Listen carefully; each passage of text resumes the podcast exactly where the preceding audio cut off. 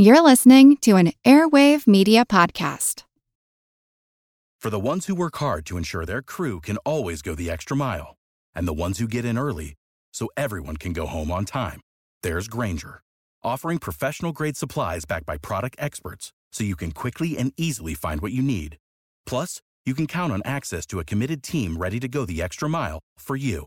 Call, clickgranger.com, or just stop by. Grainger, for the ones who get it done.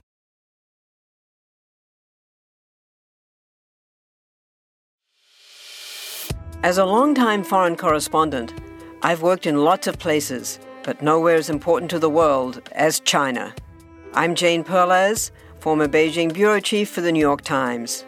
Join me on my new podcast, Face Off US versus China, where I'll take you behind the scenes in the tumultuous US China relationship. Find Face Off wherever you get your podcasts. This is Kick Ass News. I'm Ben Mathis.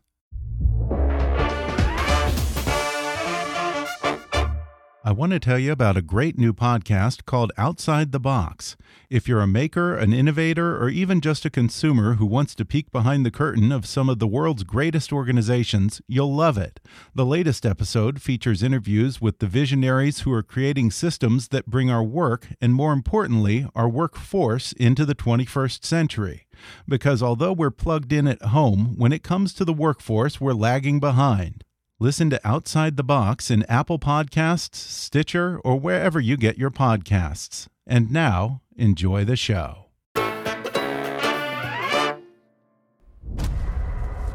Today, the World Anti Doping Agency suspended Russia's sports drug testing lab. 99% of Russian athletes are guilty of doping. It's worse than we thought. If this is true, it is an unimaginable level of criminality. I was helping to facilitate one of the most elaborate doping ploys in sport history. This goes all the way back to 1968. Every sport. Was Putin aware of the existence of a Russian doping system? Yes. We are top level cheaters.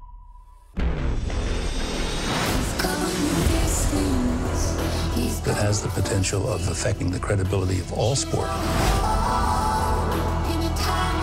Why would I watch an event that's fixed?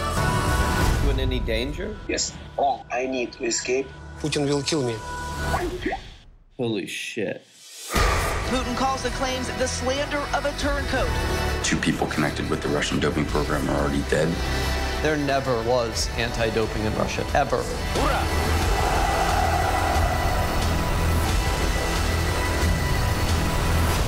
Hi, I'm Ben Mathis, and welcome to Kick Ass News. That was a trailer for a shocking new documentary called Icarus, which hits Netflix and theaters this Friday, August 4th.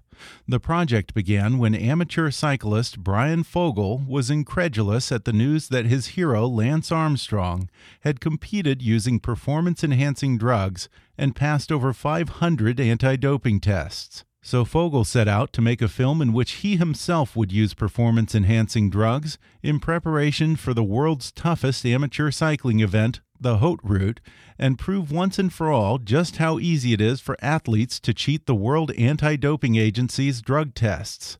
To advise him on his doping regimen, he sought the help of a Dr. Strangelove like scientist named Grigory Rodchenkov, who did all of the anti drug testing for Russian athletics. What followed resembles a John Le Carre thriller as the news broke that the same scientist helping Bryan Fogel was at the center of a massive state sponsored conspiracy to dope Russian athletes competing in the Sochi Olympics.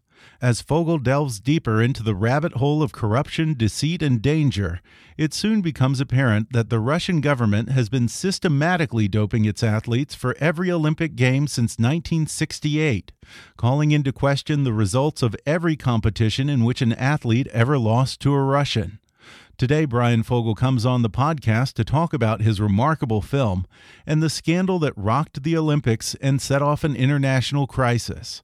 He discusses how he used himself as a human guinea pig to prove just how easily athletes can cheat anti drug tests, and he shares how he experienced firsthand the power and the limitations of human growth hormones. He talks about the quirky scientist who helped him and the unlikely friendship that quickly evolved. Bryan Fogel reveals how Russia's FSB agents helped athletes at the Sochi Olympics cheat the system, just how high the scandal goes, and why he calls his friend Grigory Russia's Edward Snowden. He'll also discuss the reaction when he presented this evidence to the officials at the World Anti Doping Agency, and he'll speculate on why the International Olympic Committee ignored WADA's recommendations and still allowed Russian athletes to compete in the 2016 Olympics in Rio. Coming up with documentary filmmaker Bryan Fogel in just a moment.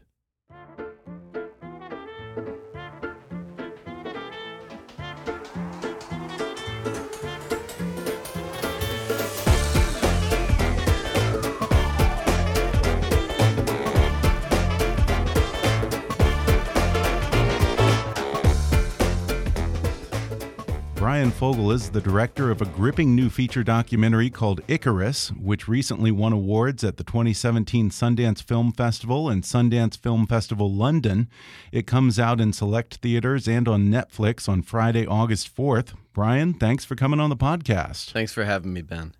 Well, this film is completely insane. I really enjoyed it, but this film just starts off as one thing and gets crazier and darker and more surreal as you get further through the looking glass with this Russian doping scandal. But before we even get into all that, what was your original idea when you began making this documentary in what was it, 2014? Uh, yeah, it was 2014. Um, and the original idea had had come from my passion. Uh, my, I've had a lifelong passion for cycling. Um, I race bikes actually from the time I was 12 till I was almost 20. And so it's been something that's been a, a, an ongoing part of my life. And the idea really came from when Lance Armstrong confessed, uh, which was January of 2013. And what was startling to me about his confession was not that he had been doping because everybody of his generation was doping, but the fact that he had managed to evade to this day 500 anti doping tests clean. Yeah. Meaning that the science had utterly failed. I mean, if the most tested athlete on planet Earth had been able to get through 500 anti doping tests, I'm going to myself, uh, what is wrong with this system? Not what is wrong with Lance. Mm-hmm. And I started calling all these scientists and reaching out with this idea uh, that I was going to make a documentary film. And I wasn't quite sure what it was going to be yet, but I thought that there was more to this story than met the eye. Mm-hmm. And every scientist I spoke to essentially was telling me that the system didn't work, that there were myriads of loopholes around it, that what Lance had done could essentially still be done, that there were so many flaws in this system that none of them saw uh, a clear path to clean sports, I guess you would call it. And from talking to these scientists and my passion from cycling and Lance and the whole thing, I thought, hey, wouldn't it be cool to kind of do a supersize me movie uh, Mhm. that where you're uh, the guinea pig. Exactly. and I'll dope myself because we never see that on camera. And at the same time, I'll find an advisor, a scientist, an expert to tell me what to do and how to do it, essentially like what Lance did. Mhm. And I'm going to document this on camera. And hopefully, if I evade detection and my results uh, are better too, because I was very curious on a personal level what exactly these hormones and drugs did, um, that not only would it be a really interesting film, but that it would present the question to the world of what do we do with this philosophy of clean sport when the system itself uh, is ineffective in catching anyone Mm-hmm. and that was and that was the the original idea and the movie that I set out to make. And what you did was you took on a doping regimen in preparation for, I, I think it's called Haute Race. Is that right? No, the Haute Route. Oh, the Haute Route. And this was an amateur race, right? Yeah. I should point out that Uh, you weren't racing professionally in yeah, doping, which was part of it. You which know, I, fi- guess is a distinction. Yeah, I figured, hey, look, uh, I'm a I'm an amateur cyclist. I mean, I was making a film, but uh, so I'm not going into these events to really cheat anybody. I'm not stealing money or prize money or a professional contract, and so I was able to ethically uh, justify that to to myself. Because to me, it was, hey, I'm making a film. Um, and uh, the race, uh, I read about this race in this cycling magazine. It was um, billed as the hardest amateur cycling event on planet Earth. It's a seven day race through the French Alps. And what they do is they take essentially the seven hardest days of the Tour de France. So it's all climbing. And every day of this race is uh, somewhere between 80 to 110 miles and anywhere between 12,000 to 17,000 feet of climbing a day, uh, where you're going over like three or four major mountains in the Alps, and it's just utter insanity. And so I read about this race, and I'm like, um, wow, this sounds crazy. And what if I do this race clean the first year?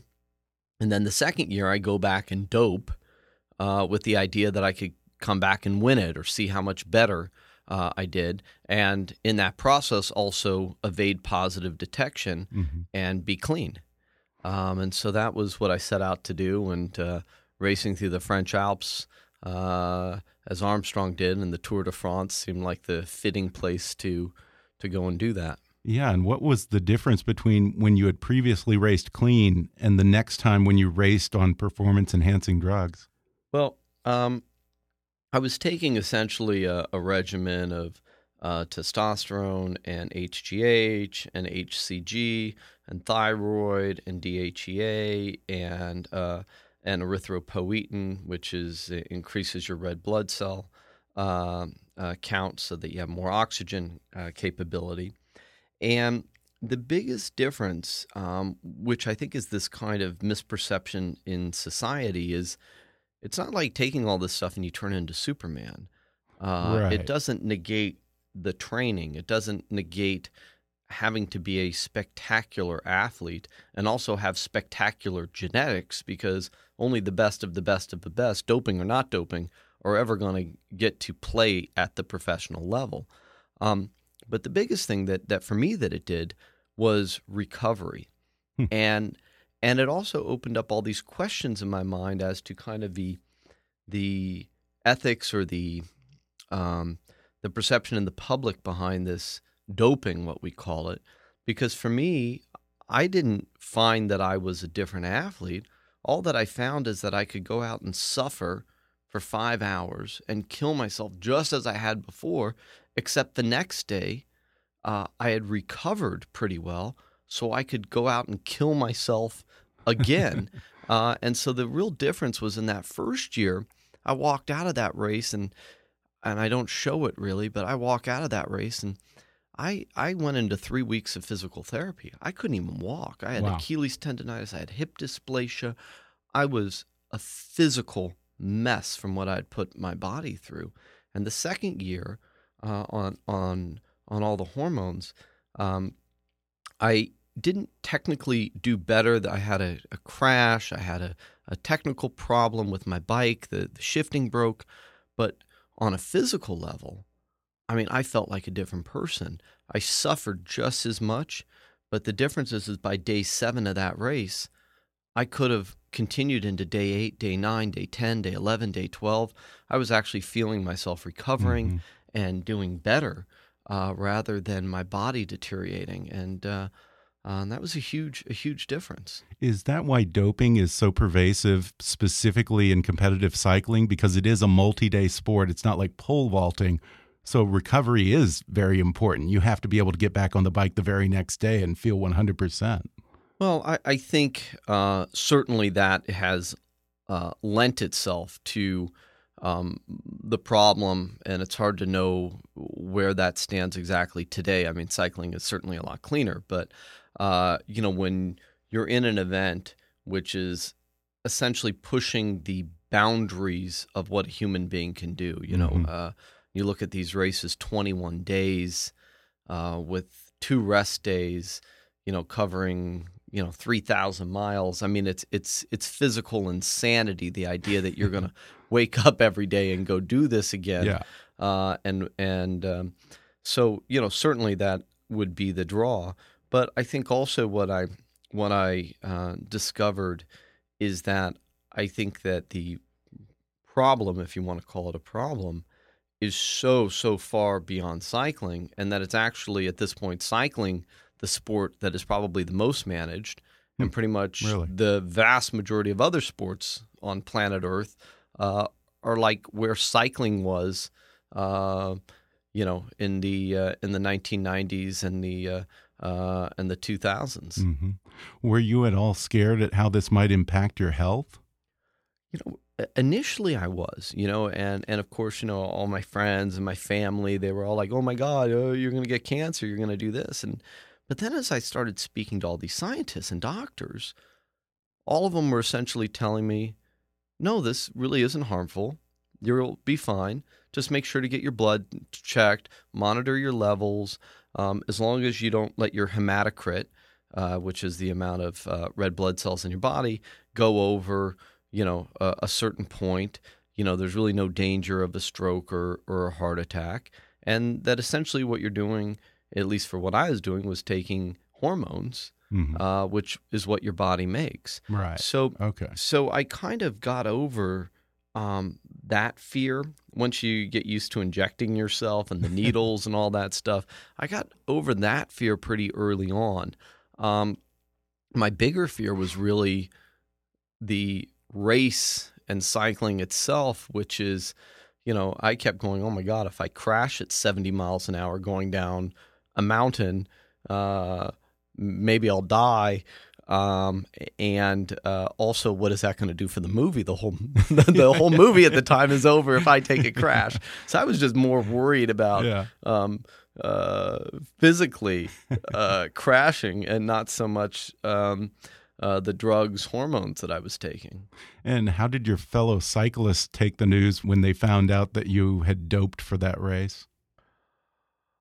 Well, uh, I didn't tell anyone during that race, um, but people in that race I wasn't personal friends with. Mhm. Um, and uh, certainly, uh, as the film took this spectacular pivot and where it now went, I think anybody who might have went, you shouldn't have done that. I think would have a different assessment of the situation now, uh, and go, "Wow, I'm glad you started on that journey because you uncovered something a, a, lot bigger."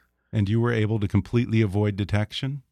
Well, that's a that's a good question. Um, after the second race, I bring all of my urine samples, and I had done about thirty blood tests uh, up to that point to basically build my biological passport, and uh, and to bring all my urine for testing to the Moscow laboratory, because the race itself was not testing as they said they were. Okay. Uh, so what I did was I would collect my urine basically uh, every day. You know, like hypothetically, had they been showing up to take my urine, Okay, so I, I was I was collecting my urine and storing it and freezing it.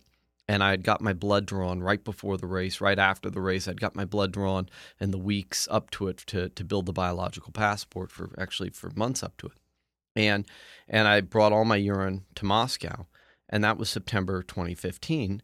And Grigory was in the process of analyzing it. And the whole thing is that because his laboratory was under investigation, but also because he should have never been analyzing my samples in his WADA lab, these unmarked samples that are not coming in through any sort of, you know, uh, regular protocol. He had to, you know, uh, do this, you know, on, on the lowdown. so he was in the process of doing that. Uh, he had essentially uh, built my biological passport, and that was looking uh, really good. There was one point on it that he thought uh, could be open for for question. Um, and uh, before I got all the results back, because this investigation's going, WADA's in his lab. Yeah. Um, the other shoe falls, and he's suddenly, you know, being alleged to be the mastermind of this spectacular scandal.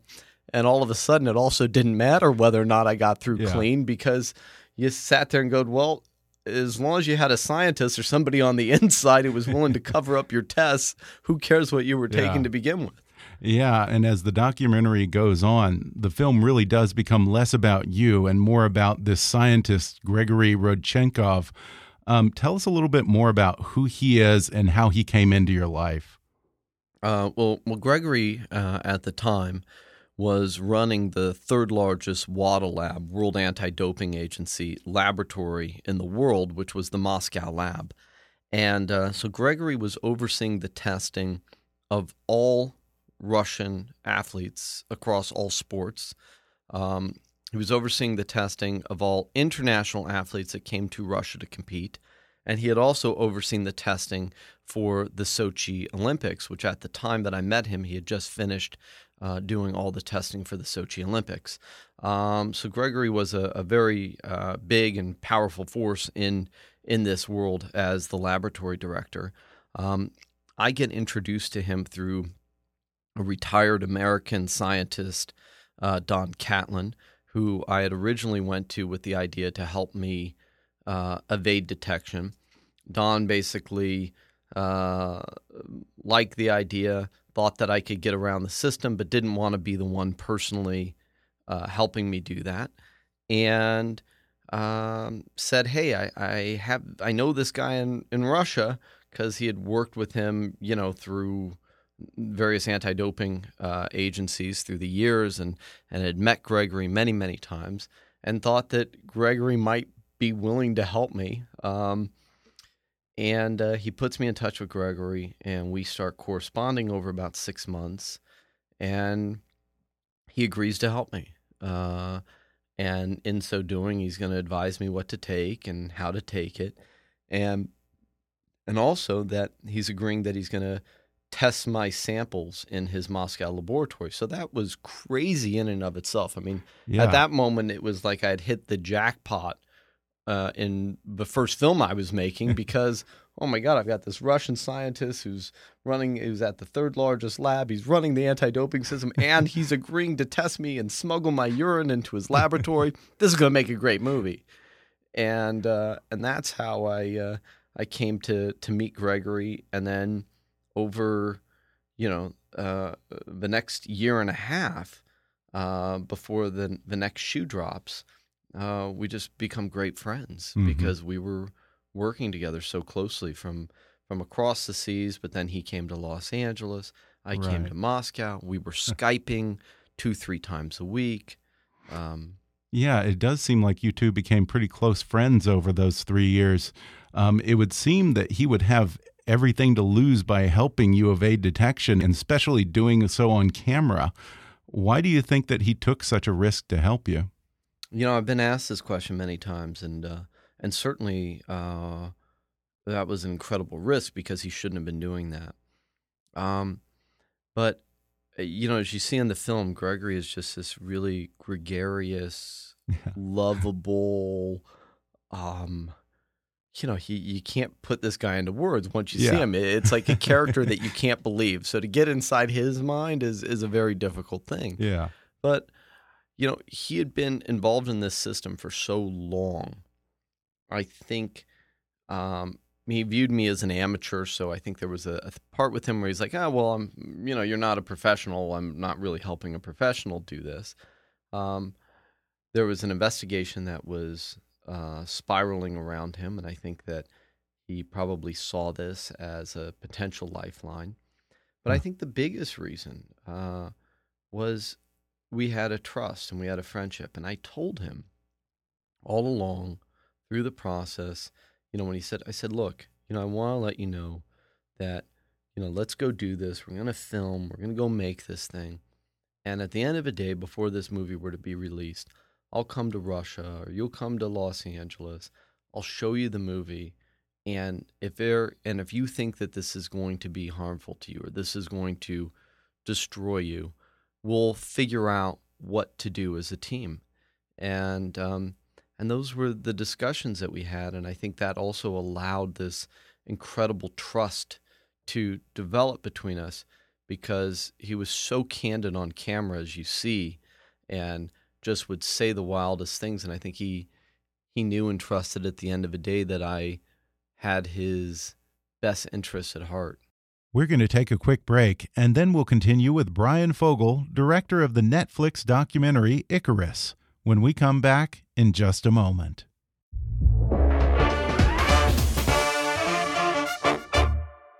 Hey guys, do you hate shopping for clothes? Well, now there's an easier way to get better clothes Bombfell. Bombfell is an online personal styling service that helps men find the right clothes for them. And unlike other services, there are no fees to work with them, so it costs nothing to sign up. It's simple and straightforward. All you have to do is complete a questionnaire, and a dedicated personal stylist will handpick pieces specially for you. Then, once you've viewed your selections, you'll have 48 hours to make any changes or even cancel altogether. You're in total control and you only pay for the clothes you keep. Plus, you have the option of receiving clothes once every one, two, or three months because Bombfell is on your side and they don't make money if you don't find something you want to keep. I just got my first order from Bombfell. I gave my stylist my measurements and answered just a few questions about my style and what I like. He came back to me with a hand picked outfit just for me. My stylist selected a beautiful sports jacket made out of high quality linen, perfect for the summer, along with a button down and a polo shirt that go great with my new jacket or on their own. I was able to change the color if I want, and if I'm ever not in love with the selection, I just say so, and my stylist comes back to me with a totally new selection. And these weren't some weird off brand items. We're talking quality, fashionable clothes that fits great. Plus, it was easy and fast, and I didn't have to waste a lot of time in a store. I love good clothes, and that's why I really love Bombfell. Best of all, I've negotiated with Bombfell to get my listeners a special offer of $25 off your first purchase when you go to bombfell.com slash kick. That's Bombfell, spelled B-O-M-B-F-E-L-L dot com slash kick. Today's show is also brought to you by Away. Away offers high quality luggage that's designed to be resilient, resourceful, and essential to the way you travel. Available in nine colors and four sizes, including carry on sizes that are compliant with all major U.S. airlines, the Away suitcase is lightweight and unrivaled in strength and impact resistance. Not to mention, it features a TSA approved combination lock, four 360 degree spinner wheels, and a patent pending compression system to help overpackers. Better yet, both sizes of carry on are able to charge anything that's powered by a USB cord. And get this a single charge will power your iPhone five times. Plus, thanks to Away's lifetime warranty, if anything breaks, they'll fix or replace it for you for life. I just received my new rolling carry on from Away last night, and it is definitely the coolest bag I have ever owned. It's as if I thought of everything I would possibly want as a traveler and designed the bag myself. It has a sturdy, hard shell that takes a beating, and yet it also expands to fit more stuff. It's got lots of compartments to keep me organized, and the USB charging station in the bag is probably the smartest idea I've seen in ages. You know how you're always at the airport when your phone dies and you're fighting with some other guy over a single electrical socket, sitting on the dirty floor charging your phone because there are no chairs near the outlet? No more. You charge your device from your bag wherever you want. I can't rave about this carry on enough. Away truly thought of everything. So try Away for a 100 days. Travel with it, really put it to the test, and see if you like it. And if at any point you decide it's not for you, return it for a full refund. Shipping is free within the lower 48 states, so you've got absolutely nothing to lose. For $20 off a suitcase, visit awaytravel.com slash kick and use promo code KICK during checkout. That's awaytravel.com slash kick for $20 off your away suitcase. And now, back to the show. midway through the documentary, as he's helping you with your doping regimen, the scandal breaks that he's been helping Russian athletes dope and avoid detection for the Sochi Olympics. Um, prior to that, did you have any inkling that he might have been involved in anything dirty? Well, yes. I mean, he had uh, uh, the entire year that I was working with him while he was advising me on doping. There had been this German uh, television documentary, like a 60 minutes piece that had come out in December of 2014. And this was about five months after I'd actually started talking to him, and right at the time that I actually start doping myself. And he says, Hey, have you seen this movie? And I haven't seen it. And this movie is alleging that Russia has a state sponsored system. Um, the allegations are all confined to track and field because that was where these whistleblowers had come from. And this investigation is alleging that Grigory is, is very, very much a part of this.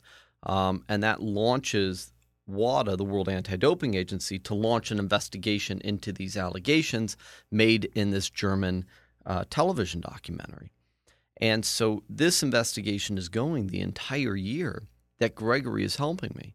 And so I'm constantly asking him, hey, what's going on with the investigation? What's going on? And, you know, and he would always be like, they're bugging me. WADA's after me. WADA. I mean, so it was a very, very constant thing. And I was very aware of it.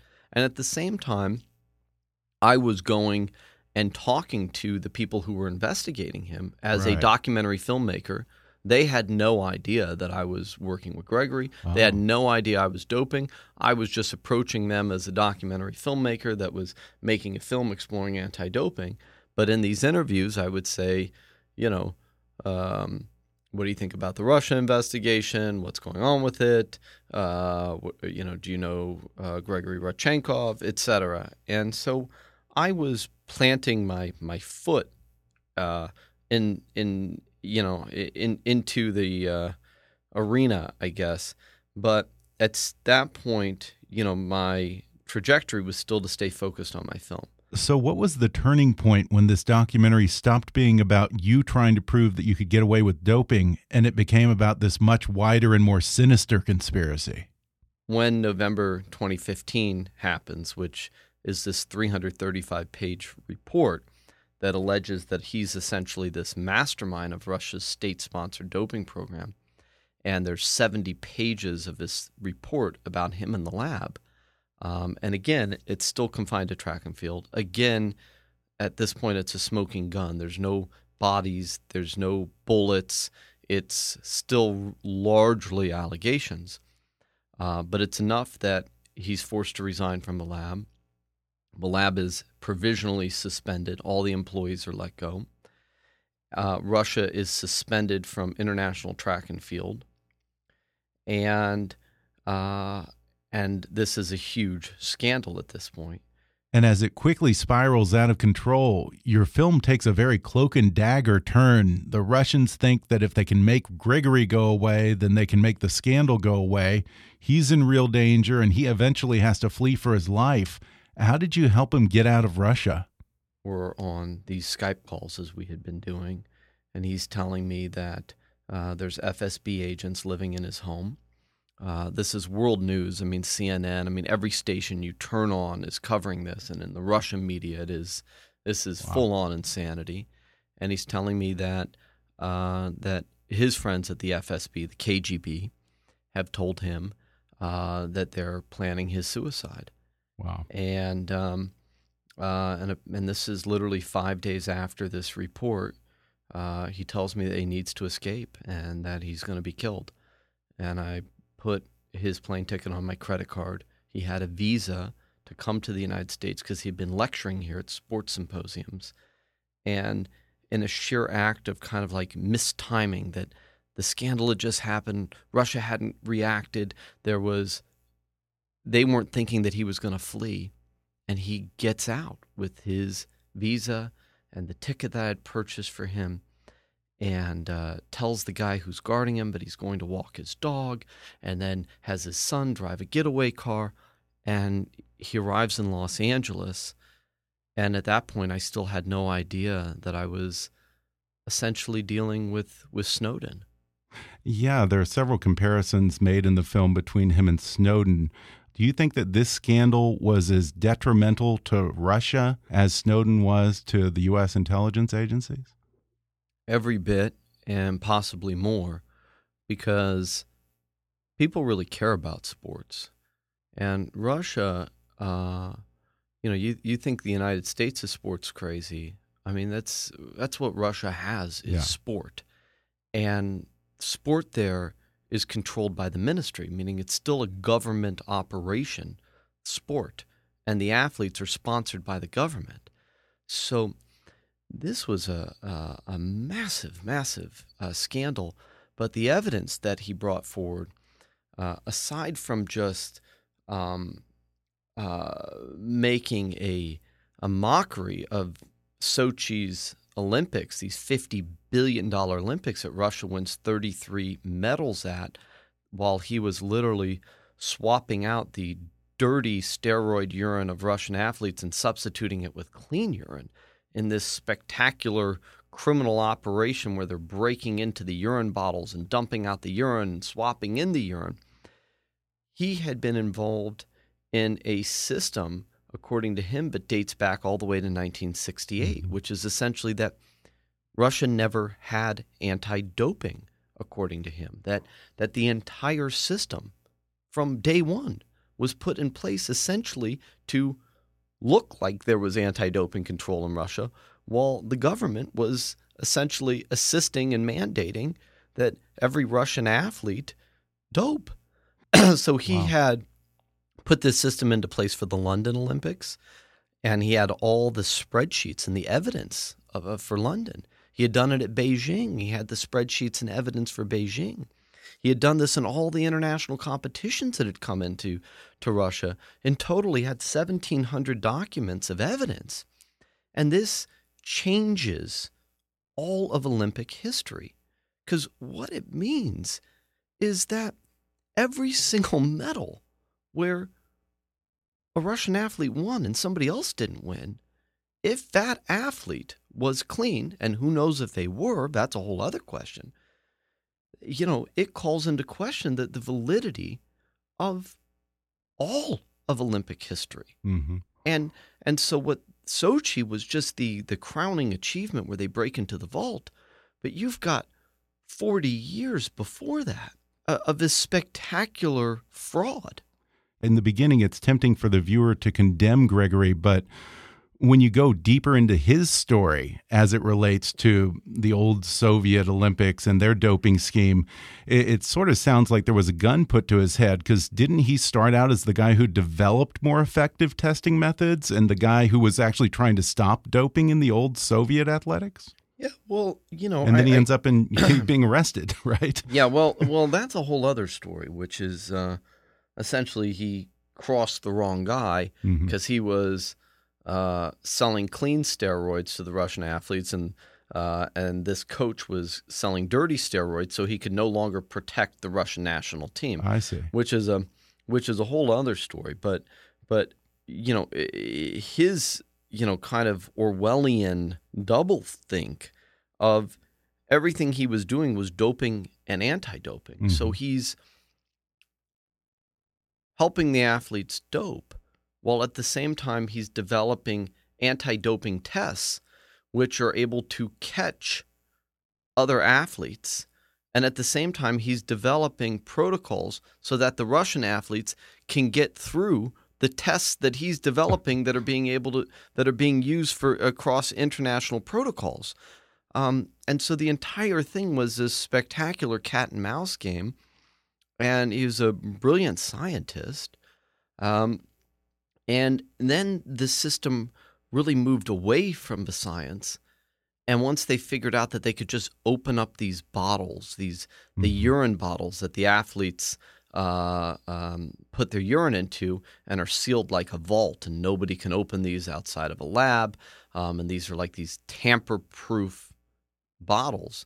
And once Russia and the FSB uh, were able to develop a technique to break into these bottles, then the entire mentality changed because now it was no longer about how to evade detection. It was they could take all the drugs they wanted to, and then they were just going to dump out the dirty urine and put in clean urine, mm-hmm. and uh, and nobody would be the wiser. Wow. And how far up the chain of command did this go? Are we talking Putin? Well, you know, look, I I wasn't uh, there. Uh, according to Grigory, according to the uh, uh, the investigations, which were major investigations that were then launched into his allegations and evidence, um, which have all been, uh, according to Richard McLaren, uh, proven beyond a reasonable doubt. Uh, everything has been corroborated, and then there were forensic examination, scientific examination into all these bottles that that found salt in the urine, that found mm-hmm. scratches in the urine. That Grigory was answering to uh, Vitaly Mutko. And Vitaly right. Mutko at the time was the sports minister. Vitaly Mutko is also Putin's childhood friend. They yeah. have, they are very, very, very close. And that is who Grigory was answering to. And he's now deputy minister of Russia, right? Right. So Today. when all this happened, in order to get Mutko out of the way, Putin made him the deputy prime minister, which is essentially the vice president mm-hmm. of Russia uh, Mutko only had one person that he could answer to, and that's Putin. So, according to Grigory, the direction from Putin was win at all costs. I don't care how you do it, win. We're hosting these Olympics, but also next year's World Cup, Russia has to win. You know, when you look at the chain of command, you know, you go Grigory to this guy Nagornov, who's in the ministry. He's now resigned under criminal investigation. The next guy is Mutko, and the next guy is Putin. It certainly doesn't look like this could have been coming from yeah. anyone else. You met with the commission that investigated the Russian doping scandal to share what you had discovered with this film. What was their attitude? Were they mad? Were they embarrassed? How did they perceive this? I uh, I actually became the uh, um, Grigory's voice. I mm -hmm uh, as we brought this story to the New York Times, and then they had to launch another investigation. Um, they all came to Los Angeles, and I literally sat there and presented the evidence to them. And I actually filmed the meeting to see to it that there would be no question as to whether or not this meeting happened, what was presented at this meeting, and Grigory had mandated and, and, and I had mandated who was going to be at this meeting. So it was really intense. Um, you, you see in the film the, the faces of, of these people, which I liken to the realization at one moment, if you're a seven year old kid, that the Easter Bunny, Santa Claus, and the Tooth Fairy don't exist. you know, and, and for these people who understood this on a very, very deep level, I think a very sad moment. Uh, because it's the, a failure on their part in some ways, I imagine. A failure on their part, um, absolutely, because I think there was a lot that probably could have been done had they wanted to pursue that. And that's a different story. And of course, the Olympics and their reaction to the scandal, um, you know, uh, really calls into mm-hmm. question uh, a lot of things of of of what best interest do they have at heart. And clearly it's not the best interest of the athletes. It's it's the best interest of the money and the organization. Why do you think the IOC ignored WADA's recommendations and allowed the Russian athletes to participate in the 2016 Rio Olympics? You know, it's interesting because um, when the report, Richard McLaren's investigation, which happened because the story that we brought to the New York Times and all the evidence that was provided by Grigory. And when his investigation corroborated everything, um, to me, at that point, it was a no brainer that, of course, they Russia couldn't go to Rio. It was like, how could you let them go? Not that other athletes aren't taking substances, but the level of the fraud that had been uncovered and how they did it and the fact that they were literally breaking into these bottles. I mean, you know, just the the that level of criminality. And then that Thomas Bach, the president of the IOC, passed the buck, and only the Track and Field Federation banned Russia from from the Summer Games. Um, was pretty shocking to see how an organization of this size and scope with these political and economic interests operate.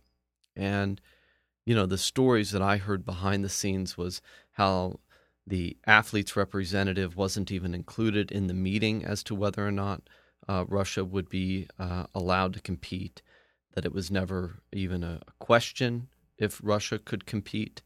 Um, that was pretty startling to me. Uh, the Justice Department believes that Grigory would be the target of an assassination by the FSB. He's now in witness protection, presumably still separated from his family. Have you heard from him? Um, he's in protective custody. Okay. Which, uh, for him, is not as good as witness protection. He's basically uh, our government, the Department of Justice, is deciding what they're going to do with all this information that he's brought forward, and you know, a it's incredibly important, I think, that our government continues to protect him um, because if whistleblowers like Grigory, regardless of their involvement in, in, in, in these scandals, are not essentially free to come forward with this information, um, the United States stops being that, that you know, uh, a bastion to do that. Um, but um, I haven't uh, been able to speak to him. I haven't been able to see him. Uh, I've been able to keep tabs on him through his legal counsel, and he's okay. And I've been told that his family is currently okay in Russia, but uh, it's uh, it's an ongoing situation. Wow. Well, again, the film is called Icarus. It opens August 4th on Netflix and in theaters. Bryan Fogel, thanks for joining me. Thank you so much, Ben. Thanks again to Bryan Fogel for coming on the podcast. Once more, his documentary Icarus comes out in select theaters and on Netflix this Friday, August 4th. For more information, visit Netflix.com. Keep up with Brian at Bryan spelled with a Y, Fogel.com, and you can follow him on Twitter at, at Bryan Fogel. Be sure to subscribe to Kickass News on iTunes and leave us a review while you're there. Don't forget to take our listener survey. It only takes five minutes at podsurvey.com slash kick. You can visit Kickass News on Facebook and follow us on Twitter at, at KickassNewsPod. And be sure to recommend Kickass News to your friends on your social media. And if you really want to help out, then donate to our GoFundMe campaign at gofundme.com slash kickassnews or click on the donate button at kickassnews.com. As always, I welcome your comments, questions, and suggestions at comments at kickassnews.com. For now, though, I'm Ben Mathis, and thanks for listening to Kickass News.